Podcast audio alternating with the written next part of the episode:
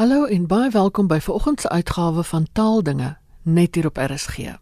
Deel 2 van die storie van Afrikaans het pas verskyn.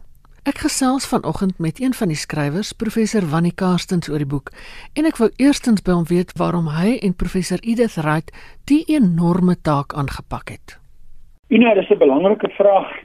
Jare gelede toe ek uh, van my destydse tweede jaar slag gegee het en ek deel my notas uit en ek sê jy moet dit in 'n boek lees en toe sê een student vir my maar prof kan jy nie net vir ons een boek gee waarin alles is nie?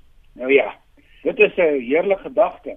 En dit het my baie baie lank gery van hierdie een boek gee waarin jy omtrent alles probeer intrek wat jy kan. Maar toe ons die boek begin skryf het ek besef dit is nie heeltemal haalbaar nie maar dat jy kan doen wat jy moet doen en kan doen. En dit is om hierdie rede dat ek toe vir prof Edith Wright as medeskrywer genader het. Sy het 'n baie belangrike boek destyds geskryf Afrikaans in sy Europese verlede. En dit is presies wat ek wou doen. Ek wou demonstreer dat Afrikaans 'n Europese verlede het, maar dat hy ook 'n Afrika verlede het. En daai storie waar ons in die boek bymekaar sit. Met ander woorde, die Europese verlede en die Afrika verlede. Want vandag praat baie mense, baie mense praat oor die feit dat Afrikaans eintlik maar 'n Afrika taal is. En so asof 'n mens dan vergeet maar voor hy hier gevorm is en voor daar ander invloede gekom het, is daar tog 'n Nederlandse element. En dit was vir my belangrik dat ons daardie volle prentjie trek. So toe ek met Prof Edith begin praat, toe sê sy maar dit klink baie opwindend. Kom ons laat wy, né? Ek het dit laat wy. en jy weet, you know, ons het, ons het eintlik maar gedink om 'n boek te skryf van so 300-400 bladsye wat meer populêr sou wees wat almal maklik sou kon lees soos ek aangegaan het en ek het gewerk en met profiele gekontroleer, toe kom ek agter daar is soveel gapings. Nie aspekte wat mense noem, maar dit word nie in die hoofstroom ingetrek nie. En toe besef ek baie van die bronne wat ons oor Afrikaans het, is bronne wat fokus op bepaalde klein aspekte. 'n Saakie hier en 'n saakie daar soos Prof Edith se boek oor die Europese verlede, Christo van Rensburg se boeke oor uh, Afrikaans in Afrika, dan die Khoi, en ensovoorts. Met ander woorde, daar was baie uh, amper sê uh, teiken spesifieke boeke. Maar die een groot gaping was daai een wat die groot prentjie probeer trek. En dit het ek toe met Prof Edith bespreek en skryfers te wil ingeneem daarmee en dit het ons aangegaan. En ek dink Ina, dit is wat ons op die ouene wou doen. Ons wou die buite raamwerk van Afrikaans trek. En dit het ons in die titel toe opgeneem. En soos jy kan sien, die titel is die storie van Afrikaans uit Europa en van Afrika. En dan kom daar 'n baie belangrike tweede aspek by en dit is 'n kwessie van biografie van 'n taal. So, die storie is eintlik 'n langtermyn weergawe van hoe Afrikaans ontwikkel het. En dan die kwalifiserende aspek is dat hy uit Europa kom, met ander woorde, sy basis is in Europa gemaak. En dit is waarmee na Afrika gekom is. En hier in Afrika het hy kom taal word. So dis uit Afrika, met ander woorde uit uit Europa, uit die bodem van Europa, uit Nederland, uit die lande, maar hier in Afrika het hy taal kom word. So is 'n taal van Afrika. Dit is vir my baie belangrik. En terwyl ons ook gewerk het, toe besef ons ook daar is so baie wat ander mense reeds gedoen het oor onderwerpe wat met die taal verband hou maar dit maak nie sin dat ons dit dan self uitpak nie. Ja. Kom ek nou vir 'n elementêre voorbeeld soos ehm uh, die Anglo-Boereoorlog. Kyk, die Anglo-Boereoorlog speel in die geskiedenis van Afrikaans 'n enorme groot rol, want dit het in 'n groot mate Afrikaner nasionalisme versterk. Dit het die Afrikaner laat saambind, die Afrikaner het uh, enorm gelei en in 'n groot mate het ook die geskiedenis van Suid-Afrika bepaal. Maar in baie geskiedenisboeke is dit so half 'n terloop, terloopse aspek. En toe ek daaroor begin skryf oor die impak, toe besef ek maar dan moet ek vir die potensiële leser op iets sit oor die oor die die boereoorlog. Maar wie jy, ek kan nie skryf wat Prof Frans Johan Pretorius geskryf het. Ja, ja. Hy het 'n hele loopbaan daaraan gewy en hy het ongelooflike boeke geskryf. En dis dit wat ons toe besluit, kom ons is hulle 'n goeie Afrikaans sê breek bietjie met wat ons in Afrikaans reeds geproduseer het. So ons het ongelooflike boeke oor baie aspekte van Afrikaans geproduseer oor die Anglo-Boerlog, oor die Groot Trek, selfs uit die oor die apartheidsgeskiedenis, oor die Afrikaanse letterkunde, oor die Afrikaanse kunste, oor Afrikaanse woordeboeke. Ina noem dit en dan besef jy eintlik daar is 'n totale volume werk in Afrikaans gedoen. Maar jy weet, ons weet nie altyd wat dit is nie. En dis dis wat ons plan toe.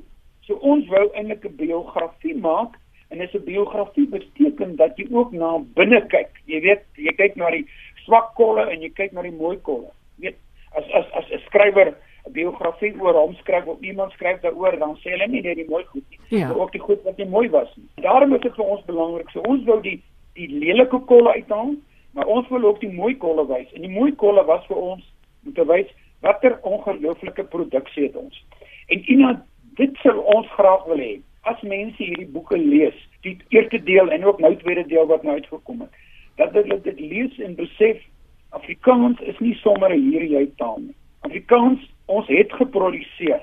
Ons het probleme gehad. Ons het baie moeilikheid gehad maar ons het ook blomtye gehad. Afrikaans het uit niks uit ontwikkel tot 'n duisende taal, 'n taal wat op baie plekke in die wêreld gereken word. Maar Afrikaanse mense het ook baie geproduseer. Ons het boeke gepubliseer. Ons het terwyl ons funksies ontwikkel het, ons het artikels gepubliseer. Ons het terminologie geproduseer. Ons het woordeboeke gemaak. En so kan 'n mens aangaan. En dit vorm dan skielik 'n unieke prentjie van wat 'n taal is, waar hy uiteindelik vandaan kom dat dit die Europese verbintenis het, maar dat hier in Afrika 'n taal kom word het, 'n ware taal.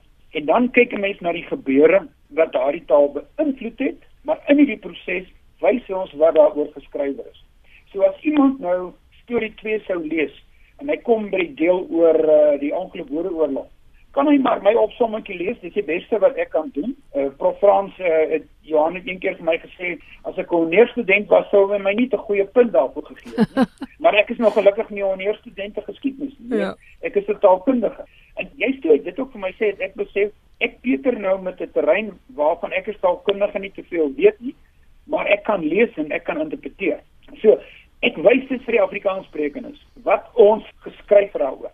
So as iemand wat byvoorbeeld lees vir die ongeluk woordelik of vir die groot trek van kyk ek gee vir jou voorbeelde en dan gaan lees jy daai boek en dan weet jy meer en dan kan jy die groter prentjie van Afrikaans maak. So jy kan sien ons was uiters ambisieus. Ja. En tye het ek gedink ek pak te veel aan. Maar wie ina in my aard is dit jy pak aan en dan maak jy klaar. Ja. En dit is wat ek gedoen het, mooi saam gewerk. Ek is trots op die produk wat ons daar gelewer het. Prof Edith het verlede week vir my gesê toe ek haar bel en sê die boek is uiteindelik uit. Dit sy net vir my gesê ongelooflik. Sy is so bly dat sy dit nog kon deursien. Want Prof Edith se gesondheid is nie goed. Maar sy was so wonderlike vernoot en sy het saam gedink en saam besluit wat ons insit.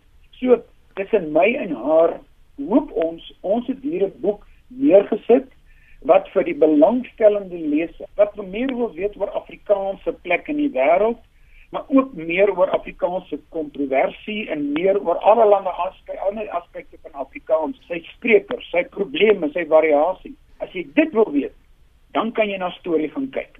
Storie 1 en storie 2. Storie 2 het 'n baie dik boek geword. Dit was nie my plan nie, maar dit het net gebeur. So Ina, jy kan sien 'n ambisieuse projek het 'n ambisieuse produk gelewer en ek hoop hy word gelees. Ek is seker, want dit dit beslaan 'n baie lang tydperk. Die taal lees lekker en dan is daar al daai verwysings en bronne en dinge wat mens kan nou gaan gebruik om verder ondersoek te stel. Maar watter besondere aspekte van die boek sou prof graag wou uitlig? Ja, nou, net net een dingetjie, wie ek het daai baie baie verwysings het ons juis in die teks aangesit en dit is vir sommige mense vreemd, maar wie jy, uh, dit is kom ook uit uh, Prof Idus uh, Afrikaanse Europese verlede aan die einde van 'n hoofstuk of die einde van 'n afdeling gee jy vir mense bronne waarin jy verder kan gelees as jy meer wil weet. Ja. Want onthou elke deel is maar 'n interpretasie van literatuur. So dit mag dalk vreemd wees in so 'n boek. Hy gaan dus nie soos 'n storie regtig lees nie. Maar as jy na die daai bronne wil kyk, slaan dit oor. Nou, wat ek dink wat die boek besonder maak, en nou let wel, ek is bevooroordeel want ek 6 jaar van my lewe aan hierdie boek gewy. So, mens moet dit ook so interpreteer. Maar ek dink die boek word gekenmerk deur drie besondere aspekte. Dit is naamlik die verlede, die hede en die toekoms. Ons het teruggekyk na waar Afrikaans vandaan kom, die hele verlede. Ons het hom gedek van die vraag in deel 1 van wat is taal? Ons het dan deur al daardie plasing van tale in die wêreld gevat.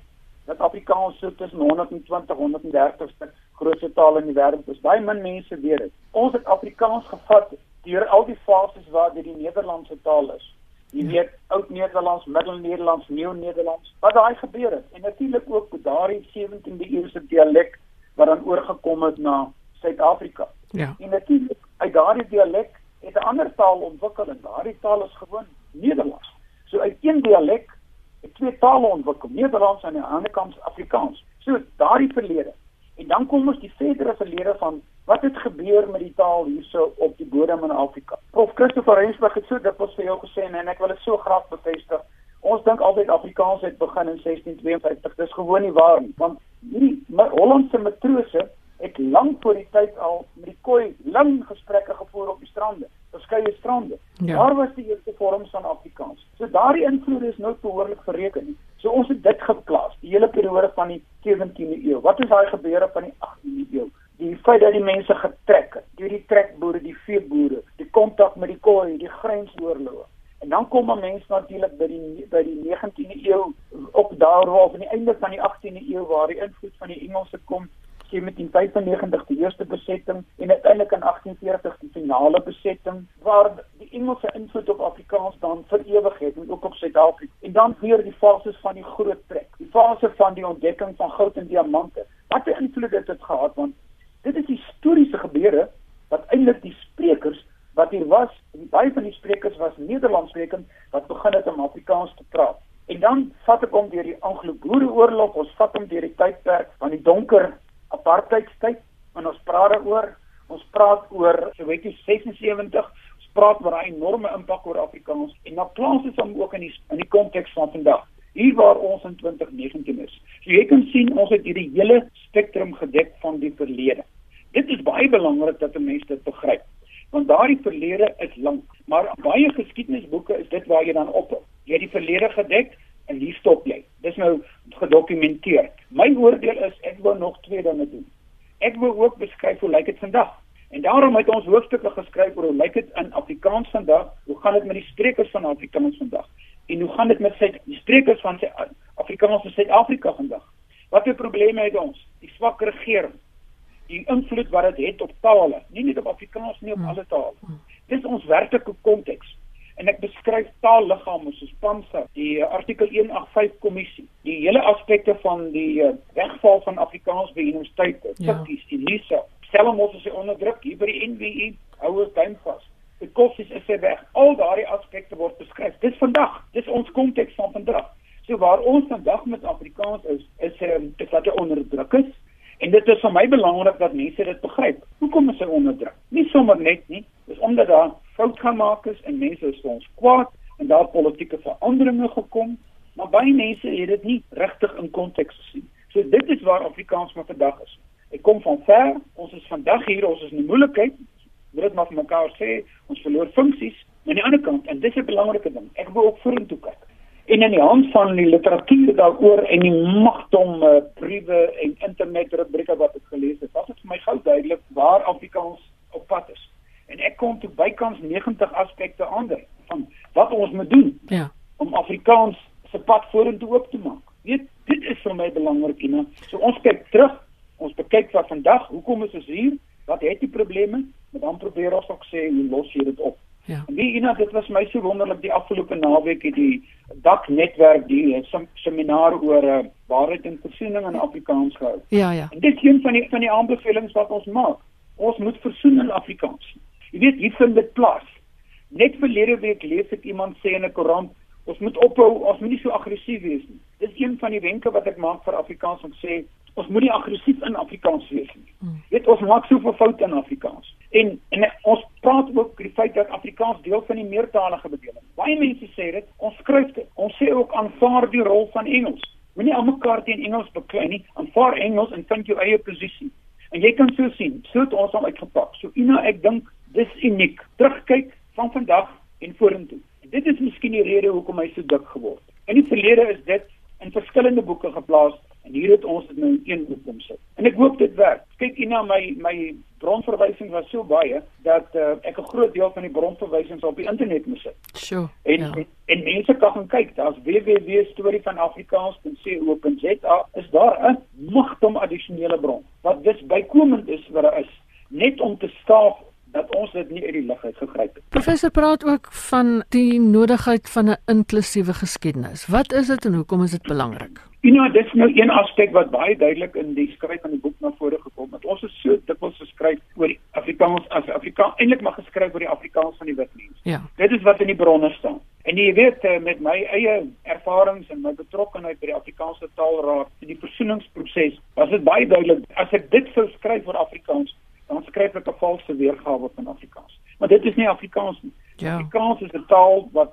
deur verskillende etniese groepe en deur verskillende uh, sosiale groepe ensovoorts gepraat word. En dit moet dan betrek word in die beskryf van hierdie taal. O, daar was bitter min wat 'n mens kon kry oor die bydrae van die die die breinmense tot die ontwikkeling van Afrikaans. Hier en daar is daar 'n bron wat ietsie skryf.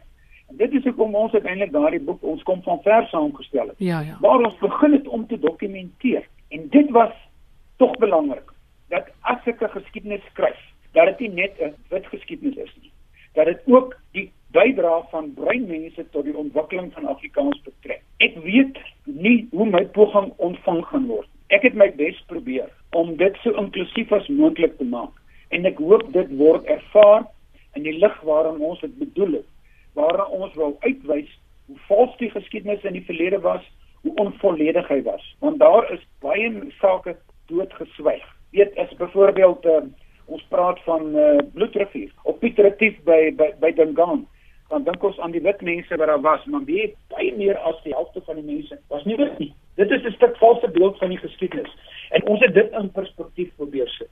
So ek het probeer om 'n geskiedenis daar te stel sodat as iemand dit gelees het dat kan sê Ah, nou verstaan ek. Hierdie geskiedenis is 'n diverse geskiedenis want dit betrek soveel mense uit soveel groepe, uit soveel vlakke. En hierdie mense het in almal se 'n bydrae gelewer om hierdie taal tot stand te bring. As mense dit so lees, dan is ons tevrede. Uiteraard hoop ons dat die mense wat na ons kom, hierdie aspekte verder sal neem. Want nou hoef ander mense nie weer te sê, "Oké, okay, kom ons begin met 'n inklusiewe geskiedenis." Die eerste poging tot 'n inklusiewe geskiedenis is nou beskryf. Ja. So, die volgende navorsers kan kom en dit aanpas of dit bywerk of dit versterk. Maar ek dink die raamwerk is nou daar van 'n volledige geskiedenis wat almal insluit. Nie net wit nie, wit en bruin en swart en wie ook al Afrikaans praat. Waar in die wêreld hulle ook al praat. Dit is wat ons wil doen en ek hoop Ina dit word so aanvaar en dit maak die boek 'n unieke bydrae. Dit was professor Wannie Karstens. En as ek 'n persoonlike mening kan gee, dit is 'n monumentale werk wat 'n unieke plek in Afrikaans sal beklee in die toekoms.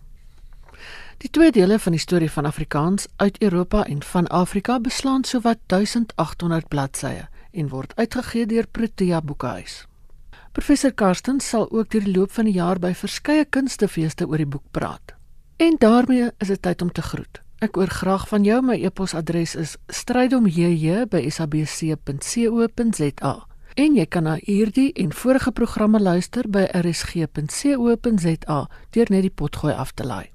Geniet die res van die dag in RSG se geselskap en van my Ina Strydom groete tot 'n volgende keer.